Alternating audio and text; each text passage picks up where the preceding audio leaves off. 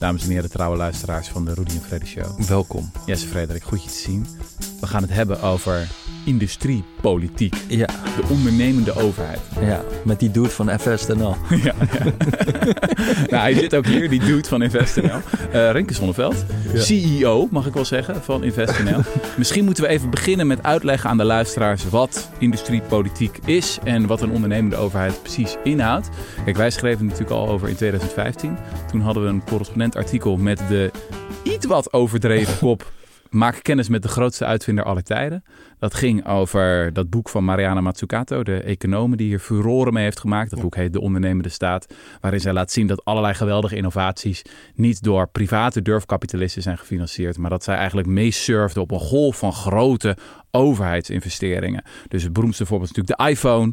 Geweldig eh, product. Nou, alles wat in die iPhone zit, wat hem een smartphone maakt. Eh, de, de stemherkenningtechnologie, de touchscreen, de batterij. eh, wat zit er nog meer in het internet? GPS. GPS. Dat is allemaal door mensen als jou gefinancierd. Rinke Zonneveld. Ehm, in Nederland hebben we natuurlijk ook een schitterend voorbeeld. Namelijk ASML. ASML. Daar schreven wij toen over. Ik kan toch niet laten om nog eventjes wat citaat uit het stuk te halen. Het Eindhovens Dagblad schreef ooit over ASML.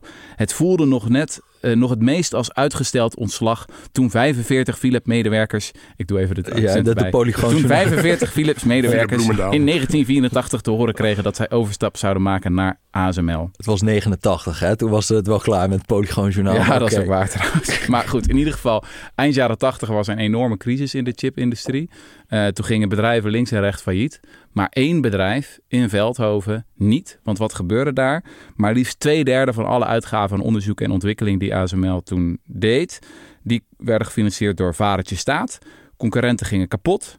Eh, zij gingen door en nu hebben we een van de meest succesvolle bedrijven ter wereld. Die de mondiale chipmachinemarkt eigenlijk in handen heeft, toch? Er is eigenlijk geen concurrent meer over. Nee, en Ehm, ik denk het mooi, met afstand het mooiste bedrijf van, eh, van Nederland. En misschien ook wel het belangrijkste bedrijf van Europa. Ja. Ja, ja. Ja. nou is interessant dat in die tijd was industriepolitiek behoorlijk uit de mode aan het raken. We hadden wat eh, schandalen gehad. We hebben het in de podcast over gehad, Jesse, over het RSV-schandaal. Wanneer was dat ook alweer? Ja, 82 was ja, het is een hele lange ja. periode. Hè. Dat, dat ging van eh, halverwege jaren 70 tot begin jaren, begin jaren 80. ja, Ik heb ja. naar aanleiding van de eerdere podcast van jullie nog eens een keer die, die, die, YouTube-documentaire Ja, eh, erover was gekeken. best grappig, Fantastisch. toch? Met, die- met die hoorzetting in de Tweede Kamer. Ja, fantastisch om te zien. En herkenbaar? Nee, totaal niet. Nee, totaal niet. Een hele andere tijd. Maar misschien om op je vraag in te gaan, eh, Rutger. Ja, jeetje, wat, wat is industriepolitiek en wat doet InvestNL dan? Misschien even te beginnen bij InvestNL. Wij zijn opgericht vier jaar geleden in 2000 om inderdaad te investeren in de toekomst van Nederland. Om te zorgen dat Nederland duurzamer en innovatiever is. Als staatsdeelneming, dus dat betekent dat het investeringskapitaal wat wij hebben, zo'n 2 miljard, dat dat afkomstig is van de belastingbetaler. Dat betekent ook dat we daar prudent mee moeten omgaan en moeten zorgen dat daar ook dat dat terugkomt en dat we dat opnieuw kunnen investeren.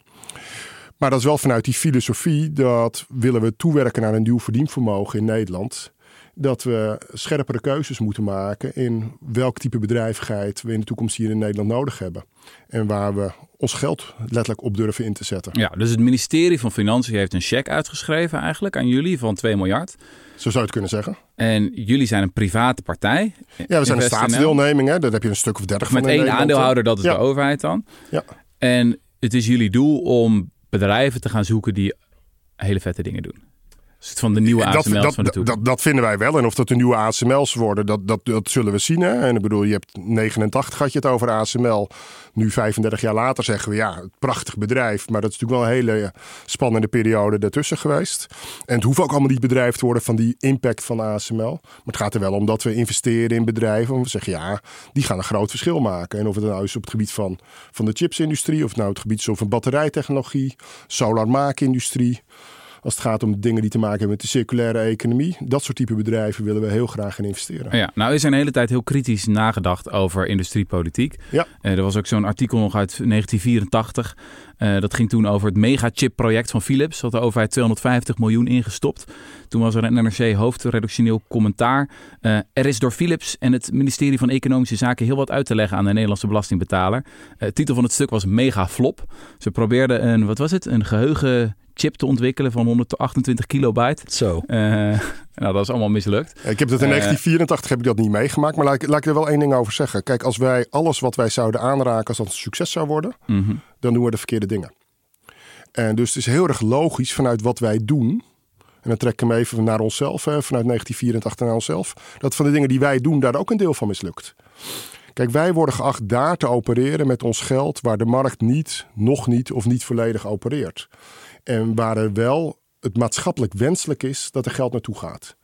Nou, dat is een heel spannend speelveld. Kom je fantastische bedrijven en projecten in tegen. Maar natuurlijk gaat dat niet allemaal goed. Hm. Is dit nou iets van de laatste jaren? Dat boek van Matsukato was 2013, 14 of zo. Ja, uh, Is dit in de mode geraakt in Nederland? Want ik denk dat dit 20 jaar geleden. Je, hebt, je bent op, ooit op economische zaken gezeten. Klopt. Ik kan me voorstellen ben, ik ben zelfs een periode ben ik interim directeur industriebeleid geweest toen er eigenlijk geen industriebeleid was. Oh, wow. ja, ja. Dus dat is, er is een andere wind gaan waaien in die zin. Ja, in Nederland, in Nederland ja. Uh, ik denk dat er, dat er in Europa meer continuïteit is geweest. Als je kijkt naar mijn eigen bedrijf, ik noem hetzelfde zo, mijn eigen club InvestNL dan kan je eigenlijk zeggen dat dat in een traditie staat die wel degelijk er al lang was in Nederland. Hè? Met, met een, de herstelbank. Ja, de herstelbank, de NIB, de, de Nederlandse participatiemaatschappij. Wat is de herstelbank? Wat is NIB? Wat ja, is... NIB is wat nu NIBC is. Hè? Dat was ooit gewoon een publieke instelling, een publieke investeringsbank. Uh, eh, NPM uh, eh, was ooit een, de Nationale Participatiemaatschappij. was een investeringsmaatschappij met publiek geld is later geprivatiseerd. Beide zijn later geprivatiseerd. Terwijl als je in de rest van Europa kijkt, zijn dit soort type instellingen bestaan gewoon tientallen jaren en zijn nooit geprivatiseerd in de jaren 80, 90. Dus echt hm. van Nederland hebben we natuurlijk een, echt een golf gehad van de markt gaat alles oplossen. En uh, ik ben zelf in 2008, 2009 mede verantwoordelijk geweest in mijn tijd nog bij economische zaken voor de crisisaanpak toen. Financiën deed de financiële sector. Wij waren bezig met de reële economie. En we hebben ons toen in die periode, op een gegeven moment toen we weer een beetje boven water kwamen, uh, wel echt de vraag gesteld: jeetje, wat hebben we gedaan? Dat we dat soort clubs hebben geprivatiseerd. Want het ontneemt je uh, gereedschap om ja, goede dingen te doen met die economie. Wenselijke dingen te doen met die economie. En vervolgens heeft het nog best lang geduurd voordat het, voordat het uh, heropgericht is. Ehm, nou, bijna tien jaar. Ik was een tijd geleden, eh, of een dik jaar geleden, was ik bij Emiel Roemer op bezoek. Die is tegenwoordig gouverneur in Limburg. Ik was werkbezoek in Limburg. Mm -hmm. Ik kwam misschien straks nog op. Ik was ook bij Mozambique. Dus ik vermoed uh, kweekvlees een van jullie favoriete onderwerpen. En ik zei toen tegen hem, uh, Emiel, het is jouw schuld dat het zo lang heeft geduurd. Zei hij, ja, maar de SP heeft er altijd voor gepleit. Ik zei, ja, maar als de SP ervoor pleit, denkt de rest van de politiek dat is. uh, uh, dus het heeft nog best lang geduurd. Ik denk dat nu wel in toenemende mate de ogen worden geopend. Ook omdat men ziet wat gebeurt er in andere landen. In, in Duitsland bestaat een KfW 75 jaar. In, Duit in Frankrijk, een BP Frans maakt daar echt heel veel kracht om die Franse economie eh, te revitaliseren. Nou, wij bestaan nu vier jaar. Als je kijkt naar de verkiezingsprogramma's van de meer de middenpartij, dan werd er bijna overal ingesproken over ja, je moet die club nu ook nog eens een keer verder gaan, uh, gaan versterken. Politiek wordt dat natuurlijk even de komende maanden nu spannend hè, met, met, met, deze, met deze uitslag.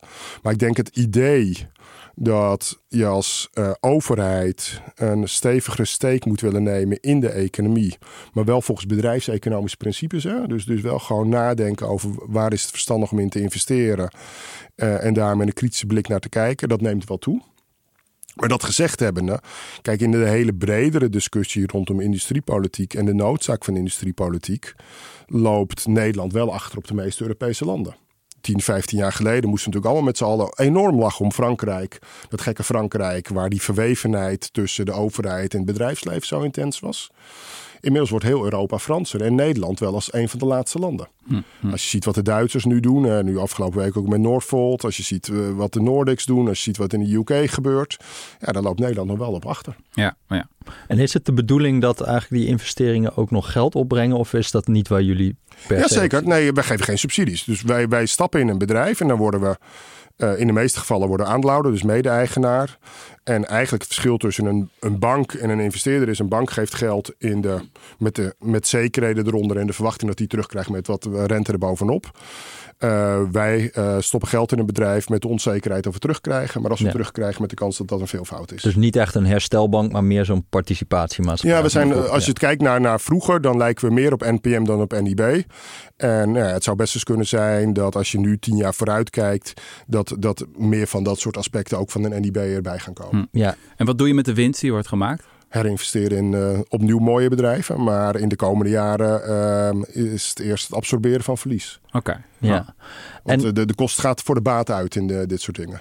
En al- als we dan kijken naar... Faillissementen vinden eerder plaats dan de grote exits. Dat is eh, zonder enige twijfel. Ja, Ja, gaan we het ja, zo ja. nog over hebben. Ja, ja. En, eh, en wat voor type bedrijven eh, moeten we dan aan denken? Wat, wat zijn soort van de, de sectoren waar jullie dan eh, je op richten? ja, wij kijken vooral naar toch alles wat te maken heeft met de energietransitie. Mhm. En Komen nou ook de meeste aanvragen van binnen? Eh, nou ja, kijk, op een gegeven moment krijg je profiel in de markt. Dus dat, dat lokt ook uit van waar je de aanvraag vandaan krijgt. Dus we kijken vooral naar energietransitie en circulaire economie. We hebben gezegd van ons initiële eigen kapitaal, 1,7 miljard, willen we twee derde in die impact eh, thema's investeren. Betekent overigens ook dat we op dit moment aan het kijken zijn. Als je het over impact thema's hebt, kun je dat niet verbreden. Ook naar, naar water en naar biodiversiteit, et cetera. Mhm. Daarnaast hebben we een eh, separaat groot fonds rondom deeptech. Dan moet je dus denken aan eh, chips, eh, industrie, semicon, photonics, quantum eh, technologie. Dat zijn echt de ASML's van de toekomst. Ja, dat zijn de potentiële ASML's van de Long toekomst. shots. van Zeer Eh, complexe. diep, diep, diep complexe technologie. Zeer kapitaalintensief. Dat geldt sowieso voor de meeste bedrijven waar we instappen. Kapitaalintensief betekent duur. Heel duur. Ja. het bouwen van een fabriek, een circulaire fabriek, met gemak 60 miljoen. Oké. Eh, en daar is weinig privaat geld voor te vinden. We doen ook best veel in de medische en technologie. daar bedoel je van private investeerders durven dat niet aan. Nee. Die denken van, eh, hier ga ik mijn vingers niet aan branden. Ik Ja. weet niet of ik dat geld terug ga verdienen. Of de tijd dat we het terug gaan verdienen is te lang. Dat Ja, zeggen, beide. over 20 jaar eh, zie ik Beide. pas wat van. Beide, als je een beetje naar, naar deze industrie kijkt, de investeringsmarkt markt in, in Nederland, zie je van oudsher dat de meeste investeringsmaatschappijen, zeker in de, in de vroege fase, in de venture capital wat heet, zaten heel erg rondom software, software as a service, platformtechnologie. Je ziet gelukkig steeds meer investeringsfondsen richting impact gaan, richting klimaattechnologie. Maar dan zie je wel dat eh, het probleem daar is inderdaad dat het veel langer duurt voordat je geld terugverdient. En dat je dus ook diepere zakken nodig hebt om eh, te kunnen investeren. Ja. En eh, ja, daar kunnen wij in dat soort thema's kunnen we een hele belangrijke rol vervullen. Van kwam een mooi citaat kan van ik, me, kan ik me voorstellen dat het leuke is dat je dan gewoon vijf man in een garagebox eh, kan financieren. En dat heeft weinig opstartgeld nodig. Maar als je, echt een, als je echt bezig bent met dingen maken, dan Ja. gaat het al snel over heel veel miljoenen om een fabriek te bouwen. Of om. eh, Ja, en, en een aantal bedrijven, of een groot aantal van de bedrijven waar wij in zitten, eh, kan zomaar zes tot acht jaar duren voordat die überhaupt relevante omzet gaan maken. ja. Omdat ze nog zo bezig zijn met de technologieontwikkeling, met de opschaling van de productie. En dat, die, dat gat overbruggen, daar hebben wij een rol te spelen. Ja, jij zei ergens, eh, veel particuliere investeerders spelen kluitjesvoetbal rond software en SaaS-initiatieven. 80% van de VC-fondsen, VC, dat is VC, durfkapitaal, ja, ja, venture capital, in Nederland richt zich, richt zich tot voor kort op dit soort bedrijven. Dat is ook een klacht die je wel vaker hoort, ook steeds meer in, in Silicon Valley, is dat we eigenlijk gewoon te veel mensen die hebben, of te veel talent dat verloren gaat aan het bouwen van weer een softwareplatform, weer een of andere accountant software, I don't know, of weer een of andere app die we niet nodig hebben. Terwijl we hebben meer makers nodig, we hebben meer bouwers nodig, minder mensen die met bits werken en, en meer mensen die met gewoon de harde fysieke werkelijkheid, atomen in elkaar aan het schroeven knutselen zijn. Nou ja, dat is, wel waar, dat, dat is wel waar mijn hart sneller van gaat kloppen. En la- laten we het over, over niet helemaal een scheiding maken. Je hebt hardware en je hebt software, want zo is het natuurlijk ook niet. Hè? Mhm. Ik bedoel, eh, als je kijkt naar de energietransitie, zijn er heel veel bedrijven die eigenlijk software toepassingen hebben, die, maar die wel cruciaal zijn voor het versnellen van die energietransitie. Eh, in heel veel, eh, bijvoorbeeld medische technologie, zit heel diepe AI. Ehm, maar ja, ik, ik, ik word altijd wel enthousiast van bedrijven die dingen maken die oud doen als je op je voeten laat Ja, vallen. nee, ik moet denken aan een gesprek dat ik een tijd geleden had met een waterbouwkundige eh, hoogleraar. Die vertelde dat in de jaren negentig als een studenten, medestudenten naar de financiële sector gingen. Om daar Ja. hun eh, vernuft in te Ja. zetten voor de hm, niet zo heel goede zaak. En dat hij een van de weinigen die over was gebleven om eh, dijken te bouwen. Ja. Ik sprak laatst een ondernemer die zei: Je hebt in Nederland meer accelerators en incubators. Mensen die praten over ondernemen en bouwen. Hmm, guilty as charged. Ja, ja, Dan mensen die daadwerkelijk doen. Ik zie heel veel ondernemers die heel doelbewust kiezen voor het ondernemerschap, omdat ze iets goeds willen doen voor deze wereld.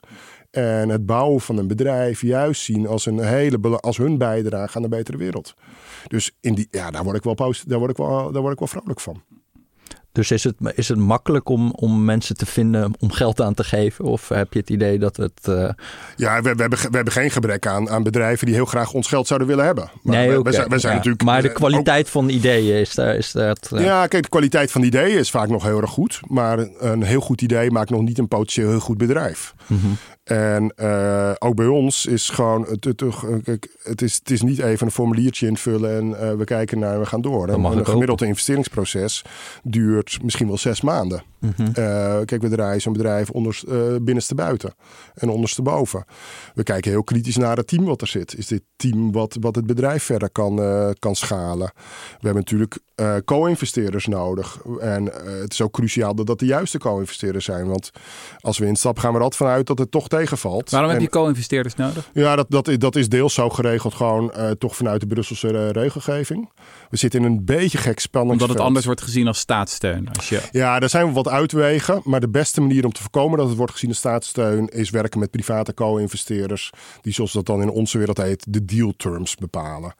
Die dus zeggen, wat is de waardering van het bedrijf, et cetera. Maar die fluister je dan in bij hun wat het eigenlijk... Ja, kijk, het is toch vaak wel onderdeel van een... Van een van, ik bedoel, als je zes maanden met elkaar bezig bent... of je bent misschien met, met het investeringsconsortium een paar maanden bezig...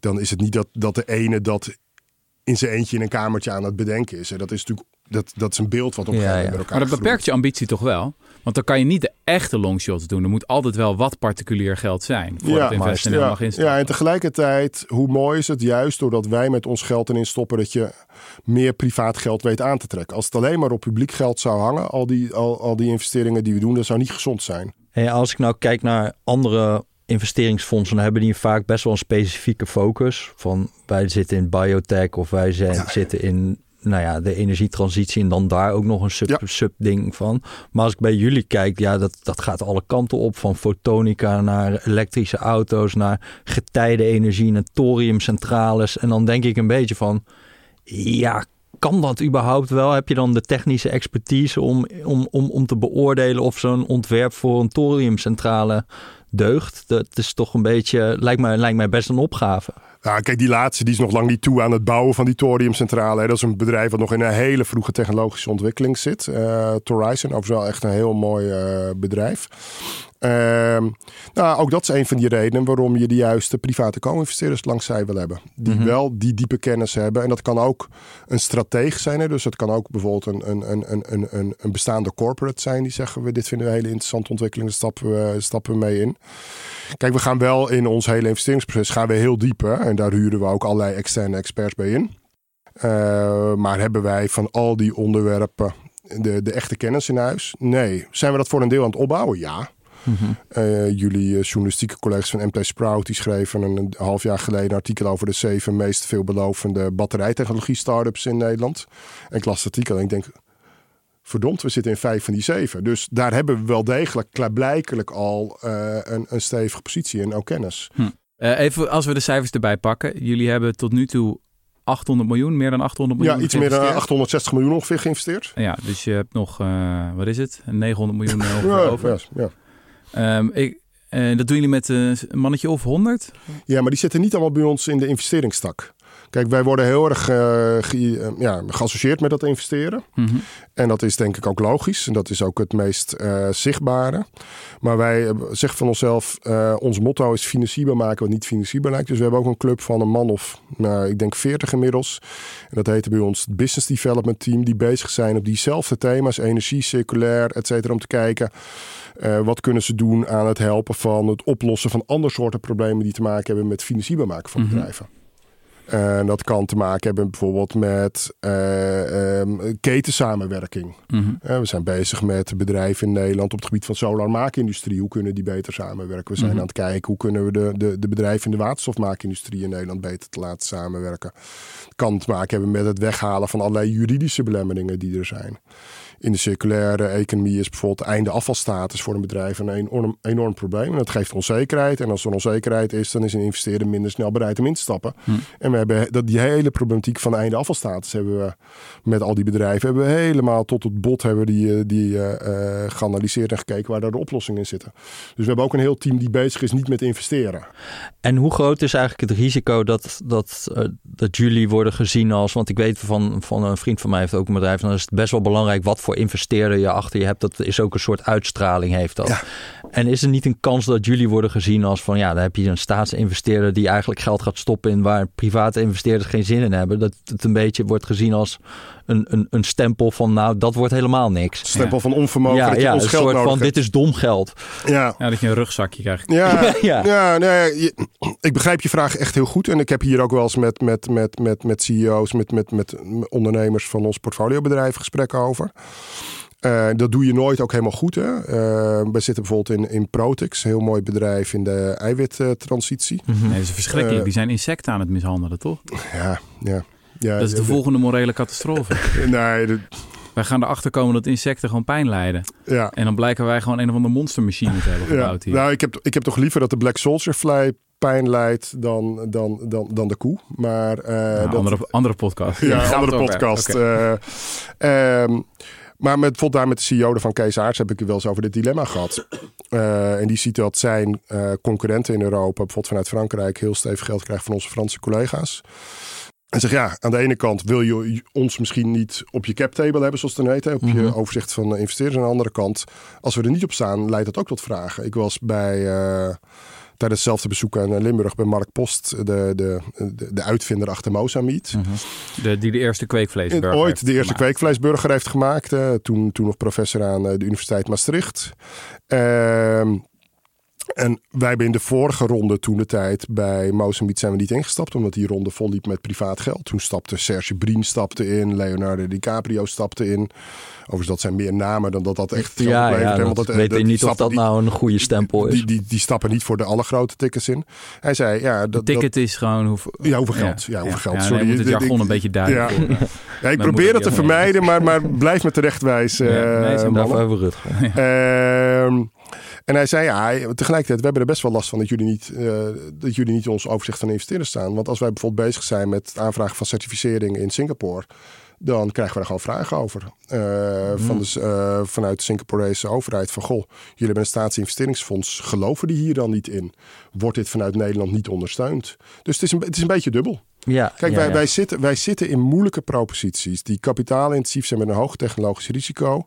Als wij niet nodig zouden zijn, heel graag. En eh, want, want, want, een, want daardoor kwamen wij een beetje in contact. Eh, jullie hebben ook een soort van eh, groot paper voor een zonnemaakindustrie in Nederland. willen jullie heel graag opzetten of daarbij helpen. Waarom? Ja, verschillende redenen. Eén, de zonnepanelen die, die, die jij en ik eh, op ons dak hebben liggen. Ehm, en laten we dat maar gewoon hardop noemen. Die komen voor een deel uit West-China en worden voor een deel gemaakt in strafkampen met de Oeigoeren. Ja, dus al dat polysilicium of het, het, Ja. soort van het Eh, silicium wordt dus- gemaakt in. eh, Dus, die dus er, er, er zit een, een, een stuk afhankelijkheid en moreel dilemma aan. Ik denk dat we het straks over sowieso, eh, als je het over industriepolitiek hebt, heb je het ook over geopolitiek. Over, over internationale afhankelijkheden gaan hebben.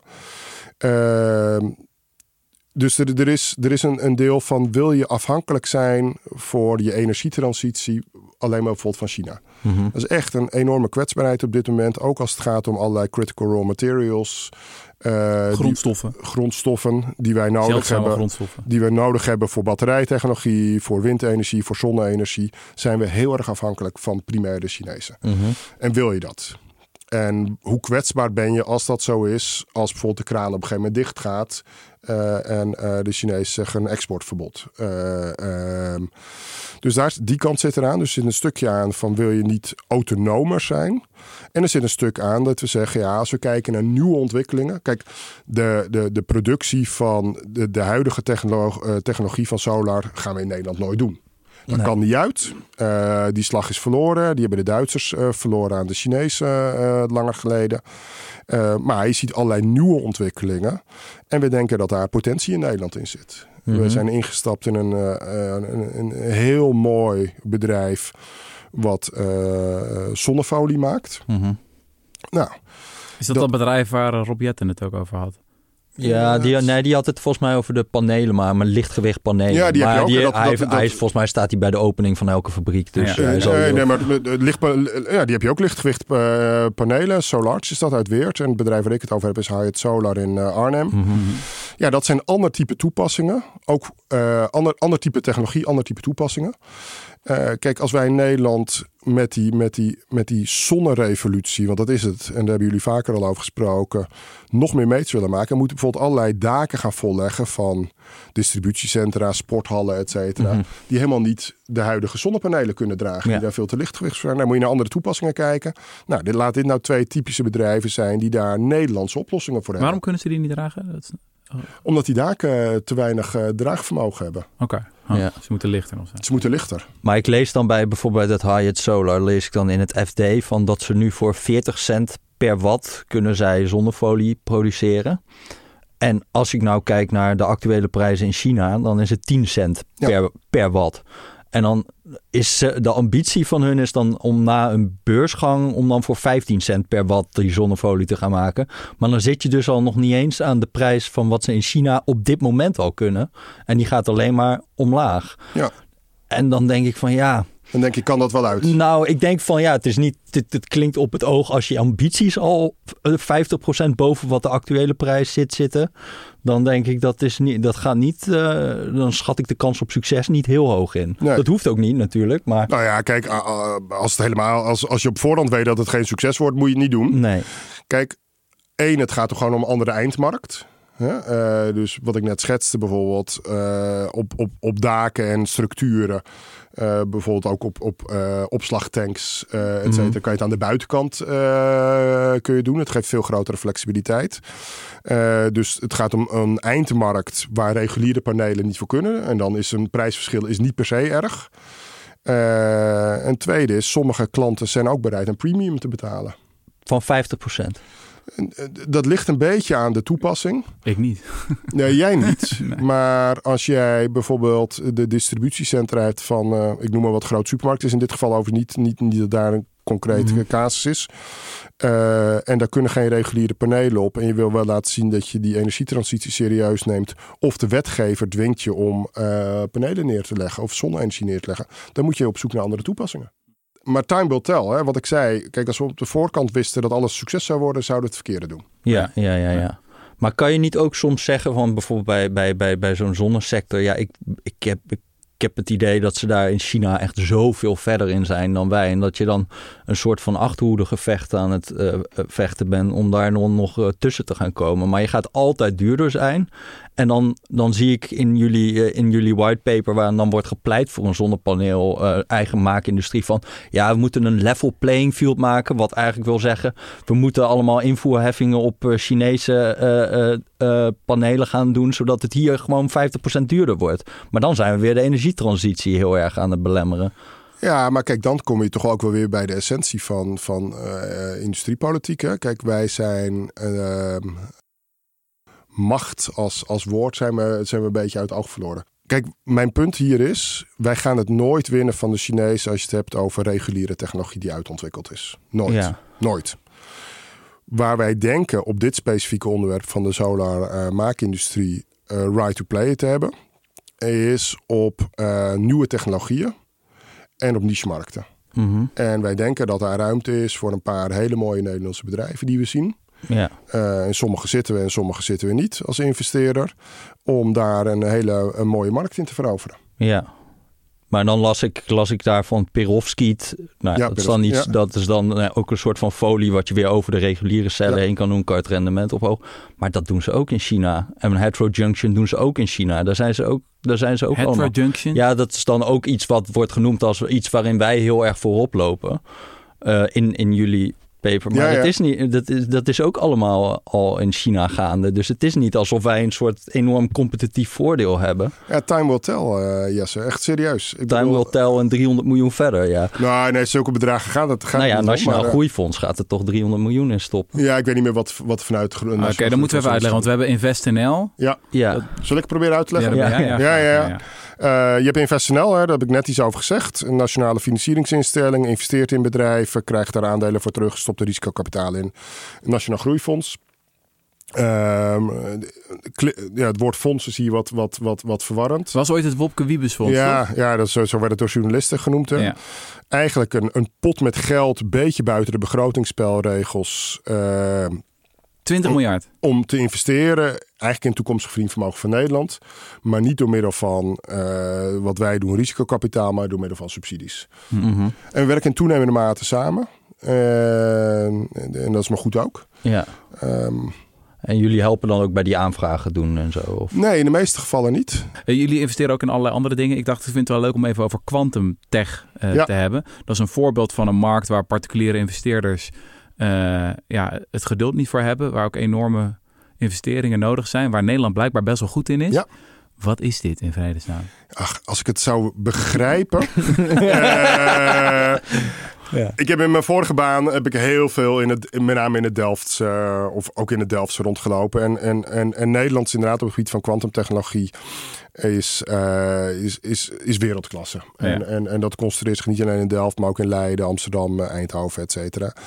Ehm, Ik zal het ChatGPT even vragen. ja, ja, ik ben heel Wat benieuwd is waar, waar. technologie? Kijk, Leg het uit alsof ik 12 ben. wow. Even kijken hoor. Nee, kijk, kijk, als je dan die mensen die ermee bezig zijn het laten uitleggen, dat, dat de staat dat je op twee plekken tegelijkertijd kan zijn. En het, het, het- uiteindelijk waar het om gaat, is dat als kwantumtechnologie doorbreekt, dat je een eh, eh, potentiële rekensnelheid hebt die zoveel malen groter is dan nu. Dat je allerlei wicked problems die je nu niet kunt oplossen, dat je die kunt oplossen. Ehm, en, eh, en aan de ene kant is dat nog heel fundamenteel eh, wetenschappelijk. En aan de andere kant zie je allerlei bedrijven ontstaan, met name meer in de quantum hardware. En dan gaat het bijvoorbeeld om eh, dat je de, de, temperaturen kunt terugbrengen tot het absolute nulpunt, et cetera. Omdat onder die temperaturen die, die, die bits eh, het beste bewegen. Nou, daar zien we allerlei hele interessante bedrijvigheid. We hebben overigens daar nog geen enkele investering zelf ook in gedaan. In, in, in die sector zijn we wel met een paar bedrijven bezig. En je ziet dat daar in dit soort hele veelbelovende deeptech sectoren wereldwijd heel veel geld omgaat. Wij hebben daar nu nog een hele sterke uitgangspositie als Nederland. Niet als enige in de wereld, maar als je kijkt naar allerlei technologievelden, is het wel een van de technologievelden waar je zegt, ja, daar staan we er wereldwijd echt heel erg goed voor. Want we hebben veel onderzoekers die Ja, en, zijn. en gewoon hele, hele, hele goede onderzoekers. Uiteindelijk Ja. is daar hier begonnen. Ehm, ook al in vroege fases zijn bedrijven als Microsoft en Intel et cetera naar Nederland gekomen om, eh, mede om die reden. Ehm, en als je dan ziet dat vervolgens in andere landen er veel meer geld om ook in de eh, bedrijven die eruit voortkomen te investeren. Ja, daar moeten wij onze positie gaan bepalen. En ook zeggen, ja, wij zijn ook bereid om dat soort investeringen te gaan doen. Ja, ja. En een van mijn collega's heeft daar, en ik denk dat je daar aan refereert, eh, een tijd geleden een oproep op de voorpagina van het FD ook over gedaan. Nederland let op je zaak. Mhm. Eh, want voor je het weet vertrekt al dit soort mooie bedrijvigheid hier omdat ze ergens anders, lees Amerika of Azië en misschien eh, Frankrijk, eh, wel aan eh, kapitaal kunnen komen. En dat, maar dat is ook een oproep aan onszelf. ja, want dat zou toch doodzonde zijn ja, als we dat verliezen. Ja, maar dat geldt voor heel veel type bedrijven. Ja.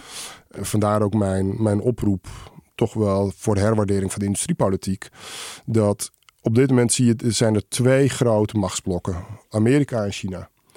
En een deel van die machtsstrijd gaat om toegang tot technologie. Een deel van die machtsstrijd gaat om toegang tot essentiële grondstoffen. Eh, en Europa moet daar een antwoord op gaan Hm. formuleren. Zeker ook in het licht van het feit dat we ook nog ineens heel zeker weten dat wat altijd sinds in ieder geval de Tweede Wereldoorlog onze compaan is geweest, de VS, dat die dat ook blijven. Mhm. Dus wil Europa gewoon voor onze eigen welvaart van toekomstige generaties ja, dan, dan, moet je daar een antwoord op hebben. Mhm. Dan moet je weten wat voor type bedrijvigheid je hier wil hebben, hoe je dat opbouwt. Dan moet je ook niet te beducht zijn, uh, zeg ik dan toch Jesse, om soms je eigen industrie te beschermen. Uh, moet je heel voorzichtig mee zijn met dat soort instrumenten, maar toch moet je daar niet, niet te beducht voor zijn. Ik maak me bijvoorbeeld echt wel zorgen over. Ik ben en dat is geen succes geworden, maar betrokken geweest bij de doorstart van een, uh, een, een, generieke medicijnenfabriek in, uh, in Leiden. Was eigenlijk de laatste grote generieke pillendraaier in Nederland. Wat bedoel je dan met generiek? Ja, dat, dat generieke medicijnen zijn medicijnen Uit die, patent. ja, die uit patent zijn gelopen. Ah, ja. Dus die, die, die off the shelf komen. 80% van dat soort type medicijnen komt uit China of India. En 80% ook van de basisgrondstoffen voor dat soort medicijnen komt uit China en India. Hm. Kijk, de Russen draaiden de kraan dicht van ons gas. Jongens, in een wereld die er niet leuker wordt op dag op dag, moet je ook uitgaan van scenario's dat ook op andere grondstoffen de kraan op een gegeven moment wordt dichtgedraaid. En als wij geen toegang hebben tot antibiotica of paracetamol of tot essentiële grondstoffen voor de energietransitie, dan hebben we wel een issue. Ja, ik Maar heb is het gevoel het dat hier dingen door elkaar lopen. Want enerzijds kan je zeggen, ehm, we willen niet afhankelijk zijn voor hele basale dingen. Inderdaad, gewoon een simpel zonnepaneel of een paracetamol, et cetera. Kan ik volgen. Aan de andere kant wil je voorop lopen in de meest cutting-edge technologieën. Ja. Ehm, maar er zijn wel twee heel verschillende dingen, toch? Ja, maar er zit denk ik wel dezelfde filosofie voor een deel achter. Dat is namelijk gewoon get your act together. En kijk, toch even naar Nederland. Hè? Eh, Ik heb natuurlijk een beetje nagedacht, wat, welke boodschap wil ik bij jullie kwijt? En wat is nou de reden waarom ik vind dat we, dat, dat, dat we nog een extra stap naar voren moeten willen zetten? Het verdienmodel model van Nederland, het huidige verdienmodel van Nederland, is voor een belangrijk deel gebouwd op twee sterktes. Goedkoop gas uit Groningen en de transitfunctie van de haven van Rotterdam en Schiphol. Goedkoop gas van Groningen hebben we om hele goede redenen gezegd, daar gaan we niet meer oppompen. Maar een deel van de basis, of eigenlijk de hele basisindustrie in Nederland is daarop gebouwd en zit in Nederland om die reden. Dus dat betekent, daar moet je van fossiel naar biobased. Ja. Maar bijvoorbeeld ook de tuinbouw is gebouwd op dat uh, model. Ja. Dus daar moet je van energie-intensief naar kennisintensief. Dat is één. Dan twee, we hebben in Nederland te maken met een opeenstapeling van schaarste. Schaarste aan ruimte, schaarste aan milieuruimte, schaarste aan talent en dan nu ook nog eens een keer netcongestie. Dat betekent dat niet meer alles kan en dat je dus keus moet maken. Wat wil je als niet meer alles kan? Waar geef je voorrang aan? En dan heb je vraagstukken die meer internationaal van aard zijn. En die geopolitieke vraagstukken waar ik net uh, over had. Maar ook de grote transities. Ga je de grote transities, energie, landbouwtransitie, ga je die doen alleen maar met de huidige grote spelers? En gaat je dat lukken? Of heb je daar vernieuwende bedrijven voor nodig? Ja, en voor mij is het antwoord daarop vrij helder. Ja, maar ik heb dan het idee van... Uh, is het nou zo dat als naar InvestNL portfolio kijkt... Dat, je, dat er dan hele sterke keuzes in richtingen worden gemaakt? Het voelt een beetje als juist een, een, een hagelschot van allerlei verschillende bedrijven... Die, waarbij je dan kijkt van ja, ik hoop dat dat een van die dingetjes lukt. Maar het is nou niet dat er een hele sterke richting wordt gekozen van dit gaat Nederland, hier gaan wij echt goed in worden. Het is meer van we, we, gaan in duizend en één technologietjes investeren en dan kijken we of er daar eentje overblijft, toch? Ja, ik begrijp dat je dat zegt. Uh, en kijk, aan de ene kant kijk, kijken wij natuurlijk gewoon naar de mooiste bedrijven. En uh, mogen we daar nog echt wel kritischer ook in zijn in, oké, in dat bedrijf aan zich. Maar waar heb je het dan ook over als je het hebt over die sector? Willen we die sector hier in Nederland opbouwen? Aan de andere kant, we hebben best scherpe keuzes gemaakt. Want als je ziet, bijvoorbeeld die concentratie die we hebben, investeringen in fotonica, of concentratie van investeringen in batterijtechnologie, dat zijn best scherpe keuzes. Ja. Uh, Fotonica, dat is dingen met licht. Ja, en ja chips met licht. Ja, chips Ja. met licht. Ja. Jongens, jullie zijn echt... Dan moeten we ook aan jullie- chatten. jullie- jullie ja, kunnen- niet dat we het snappen. Nee. Jullie, nee, jullie kunnen echt de, de meest complexe dingen heel simpel maken. Heel fijn. Ja, ja, ja. Ehm, en we hebben natuurlijk ook niet in al die se- eh, sectoren... hebben we niet opeens 10, 15 bedrijven... waarin we tegelijkertijd kunnen investeren. Mhm. En we proberen ook bepaalde industrieën te helpen opbouwen met de keuze van de investeringen die, die wij maken. Maar bijvoorbeeld dat wij de keuze maken binnen wat wij doen op het gebied van eh, eh, de gezondheidszorg. Om alleen maar te investeren in bedrijven die helpen aan eh, een, een, een beter betaalbare en toegankelijke zorg. Zij de scherpe keus. Ja. Dat wij binnen het domein van het agrifood hebben gezegd. Wij richten ons primair op de eiwittransitie. Betekent dat je ook 90% niet doet. Ja, ja, ja. Dus het wil eigenlijk, dus er komen scherpere keuzes achterweg dan je terecht zegt als je even naar die portefeuille kijkt. Ja, want er werken eigenlijk twee krachten op elkaar in. Van aan de ene kant wil je natuurlijk ook je een beetje indekken tegen mislukkingen. Dat betekent dat je, zoveel, dat je risico spreidt over verschillende dingen. Aan de andere kant weten we ook van die energietransitie... hoe meer je iets gaat doen, hoe meer je gaat investeren in één ding... zoals zonnepanelen, hoe groter je zo'n sector maakt... hoe goedkoper ook die prijs van die technologie steeds wordt. Ja, dus het verschil tussen een particuliere belegger en eigenlijk een overheidskapitalist. Ja, een belegger wil, wil spreiden om een goed rendement te hebben. Ja. Want die, ja, die is niet zo groot dat hij een verschil kan maken in de leercurve van een hele technologie. Terwijl jij kan het wel, Renke. Jij kan echt in principe een bijdrage leveren uit, uit, uit de grond stampen van een hele industrie. En als je dan een all-over-the-place strategie hebt, van we doen overal wat, dan gaat dat niet gebeuren. Nee, Nou, als je niet zegt eens misschien fotonica, quantum en eiwit en iedereen, alle anderen, die gaan meteen in de spambox. En, en, de rest gaat de deur op slot. Nou ja, Ja, dan, missen, dan zouden we heel veel mooie kansen missen. Ik denk, leven. ik denk dat de keuzes die we maken scherper zijn dan je, dan je op het eerste oog eh, zou, zou zeggen. En tegelijkertijd kunnen we daar nog eh, beter in worden. En waar we ook vooral in beter kunnen worden is niet alleen kijken naar een individueel bedrijf, maar ook dan zeggen: oké, maar als we in dit bedrijf precies dat, dat, zeg maar, dat ecosysteemeffect wat Mhm. jij beschrijft, is zeg nee, maar dan moet je ook in dit en dit bedrijf eromheen willen investeren. Ja. Ehm, nou, en ik denk dat we dat nu bijvoorbeeld rondom Fotonica, dat, we dat, dat je dat ziet dat we dat doen. Eh, daar zitten we toch wel in eh, de, de beeldbepalende bedrijven in Nederland zitten we daar. Eh, heb je het ook niet meer dan over een handvol, hè? of misschien eh at the end of the day twee handen vol eh, bedrijven. Ik denk dat we in de eiwittransitie daar eh, steeds scherper in worden. Eh, we zijn ook nog, laten we ook heel eerlijk zijn, een organisatie die morgen vier jaar bestaat. Ja, ja, ja. En in de eerste twee jaar gebeurde er niet zoveel, toch? Onder Wouter Bos. Nou ja, dat was de kritiek in ieder geval in de pers en in de, in, in de politiek. Van onder andere jou ook, toch? Eh, Volgens mij heb je me daar nooit hardop Oké. over gehoord. Maar ik was, ik, was, ook- ik was ook behoorlijk kritisch. En ja. En waarom? Omdat de verwachtingen terecht heel erg hoog waren. gezien het belang van de organisatie. En ja. En, en, en ja, het, het, het is geen geheim hè, dat, dat ik ook best kritisch was. Ehm, wat ik me onvoldoende heb beseft. is. je zal maar op 16 januari 2020 een organisatie starten. Helemaal aan het begin. En twee maanden later gaat de wereld voor twee jaar op slot. Ja, dat Ja, Hè? Ik bedoel, het Verschrikkelijk. geef je te doen. Eh, toen ik binnenkwam waren we al lang van de kant. En, ehm, en het, is wel, het is wel even wennen. Ik bedoel, twee jaar geleden eh, vanaf nu, of anderhalf jaar geleden vanaf nu, vond iedereen het heel leuk om eh, een beetje smalend over InvestNL te praten. En nu zijn we, zoals iemand het vorige week tegen me noemde, het meisje met wie iedereen wil dansen. Hm. Ja. Wat is het grootste succesnummer van InvestNL tot nu toe? De, nou, je bedoel je op individueel bedrijfsniveau?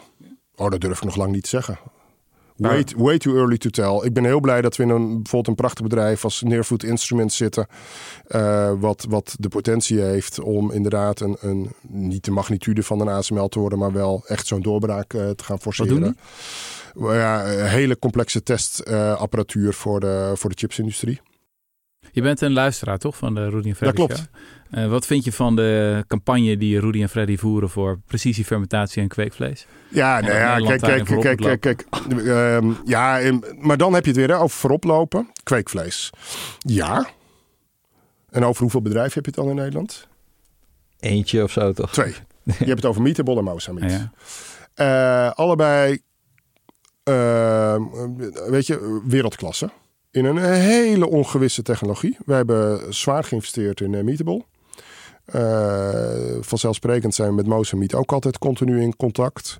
En ja, dat zijn twee bedrijven die in die wereld van kweekvlees wereldwijd eh, verschil kunnen gaan maken. Maar, maar dat, dat vind ik ook wel interessant. Dat Mozambique gaat dan in Singapore eh, naar de markt en niet in Europa. Ja, en Europa loopt hier heel erg achter op het gebied van wet en regelgeving. Ja, De eerste eh, land ter wereld waar dit op de markt mag komen, eh, kweekvlees, is Singapore. ja. De verwachting is dat daarna de VS vrij snel zal volgen. En Europa loopt daarin achter.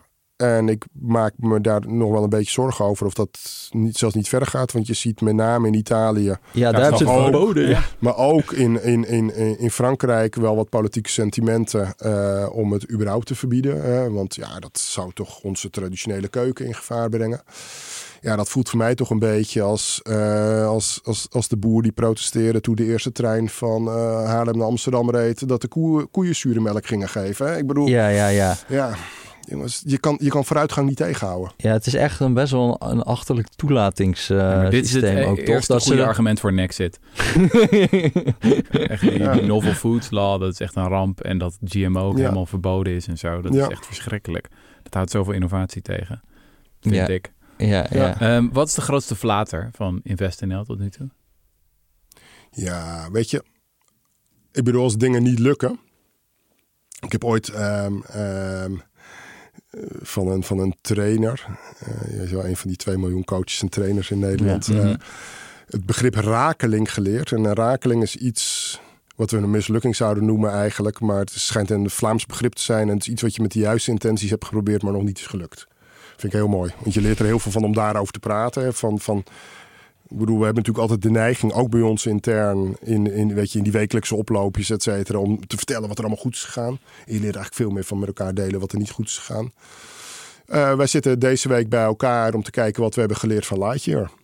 Eh, maar tegelijkertijd, ik heb... eh, in Lightyear, dat is even voor Lightyear, die- die Lightyear is, is, was een jaar geleden nog, zeg maar, eh, ehm, ja, toch wel nou, iets meer dan een jaar geleden, laat zeggen 15, 16 maanden geleden, de knuffel eh, scale-up van Nederland. Hè? Eh, briljante jongens van de eh, TU Eindhoven, die ooit de zonneautorace in Australië hebben gewonnen en op basis daarvan het bedrijf zijn begonnen. Die eigenlijk het hele concept auto opnieuw zijn ontwikkelen, waarbij het meest in het oog springende is een zonnedak op die auto. Ehm, maar niet het enige. De, ik bedoel, eh, de, de, de motoren zaten in de wielen. De aerodynamica was veel hoger. Het gewicht was veel lager. Eh, aan heel veel kanten briljant. Het bedrijf is zo snel geschaald dat het kapot is gegroeid. Eh, vorig jaar rond deze tijd. Uh, Surs Jans heeft aangevraagd. Uiteindelijk een kleine doorstart heeft gemaakt. Kijk, daar valt heel veel van te leren wat daar niet goed is gegaan ook aan onze kant. Uh, en tegelijkertijd, ik vind dat we voor dat soort bedrijven moeten er zijn. Uh, dat betekent niet dat je moet leren van wat er had er iets voorkomen kunnen worden in, in, in dit hele verhaal.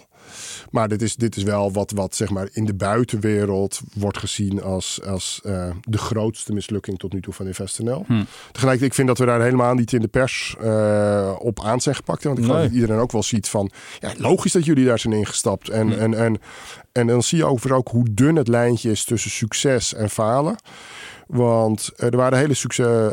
Uh, dat, dat is natuurlijk allemaal naar buiten gekomen inmiddels. Verregaande gesprekken met een investering, uh, een forse investering van VDL.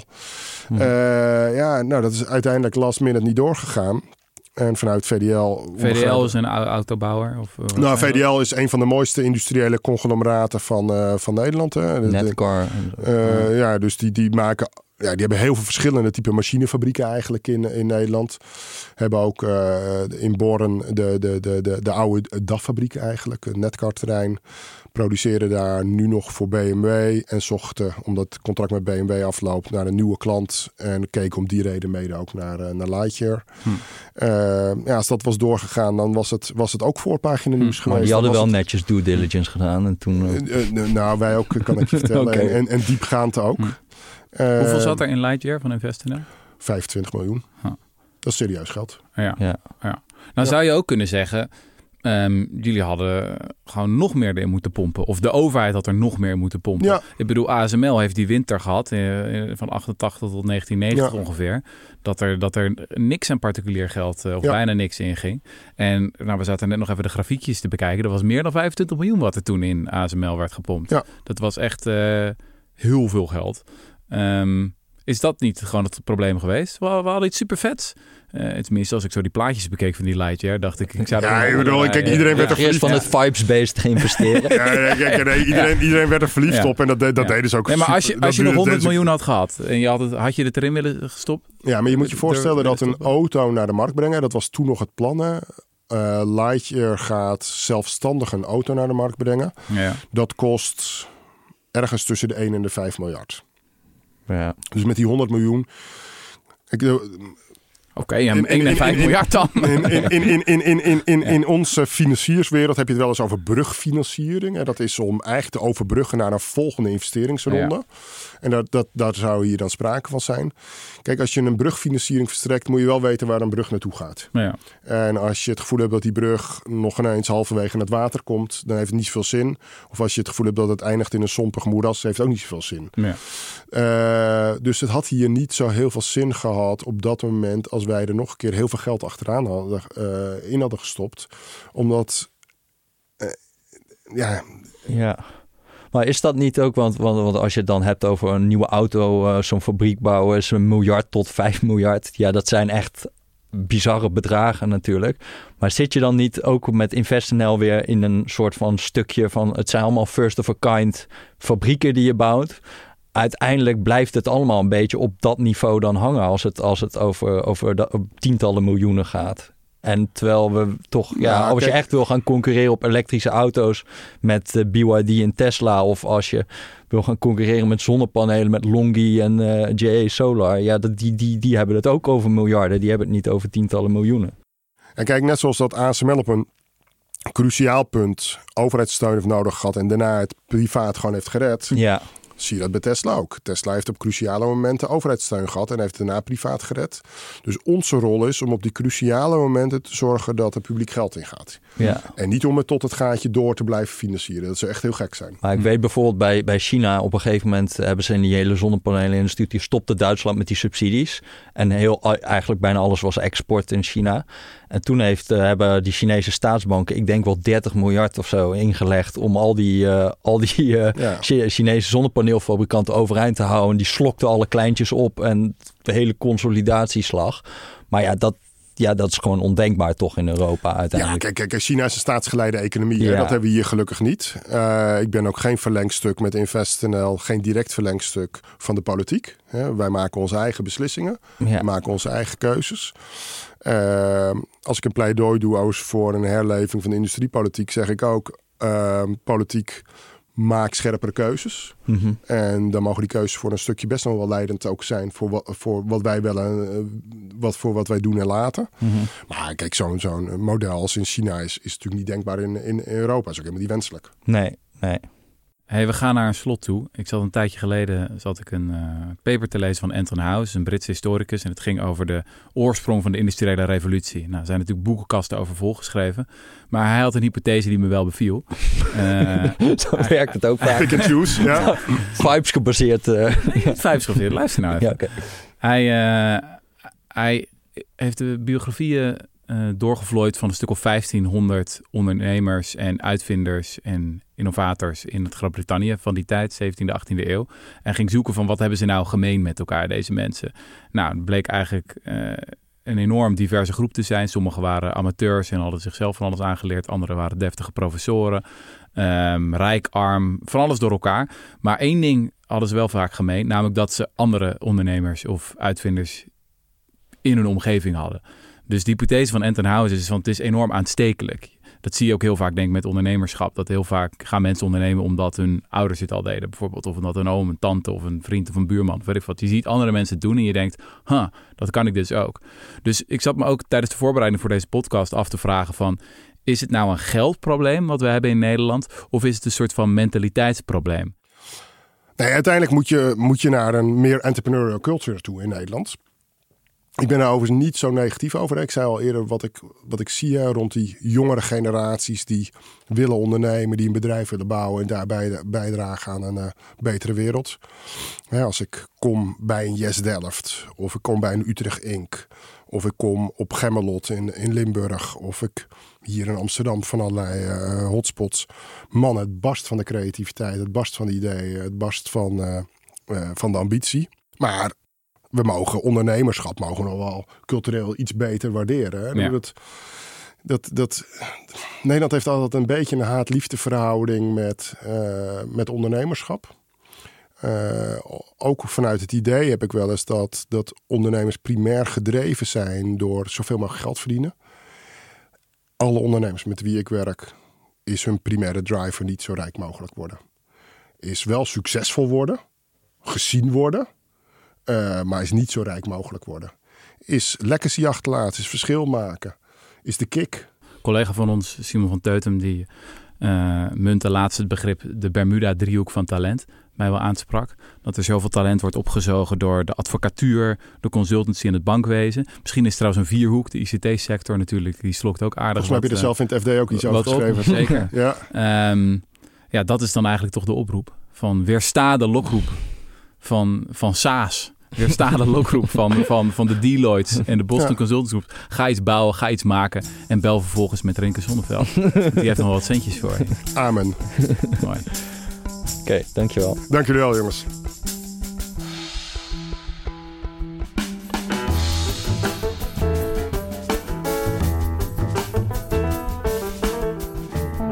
Het is de missie van de correspondent om voorbij de waan van de dag te gaan. Onze correspondenten voorzien het nieuws van context en schrijven over de grote thema's van deze tijd. De correspondent geeft me de vrijheid om mijn nieuwsgierigheid te volgen en de tijd om verhalen te schrijven. En zo probeer ik onzichtbare structuren zichtbaar te maken en een andere kijk te bieden op debatten die het nieuws domineren. Dan gaat het minder over het spelletje en veel meer over wat er op het spel staat. Vanaf dag 1 zijn onze artikelen, boeken en podcasts gefinancierd door onze leden. Volg ons op onze journalistieke zoektocht. Overweeg eens lid te worden van de correspondent. En maak daarmee samen met ruim 70.000 anderen onze onafhankelijke journalistiek mogelijk. Dus word lid van de correspondent. Ja, word lid. Word lid.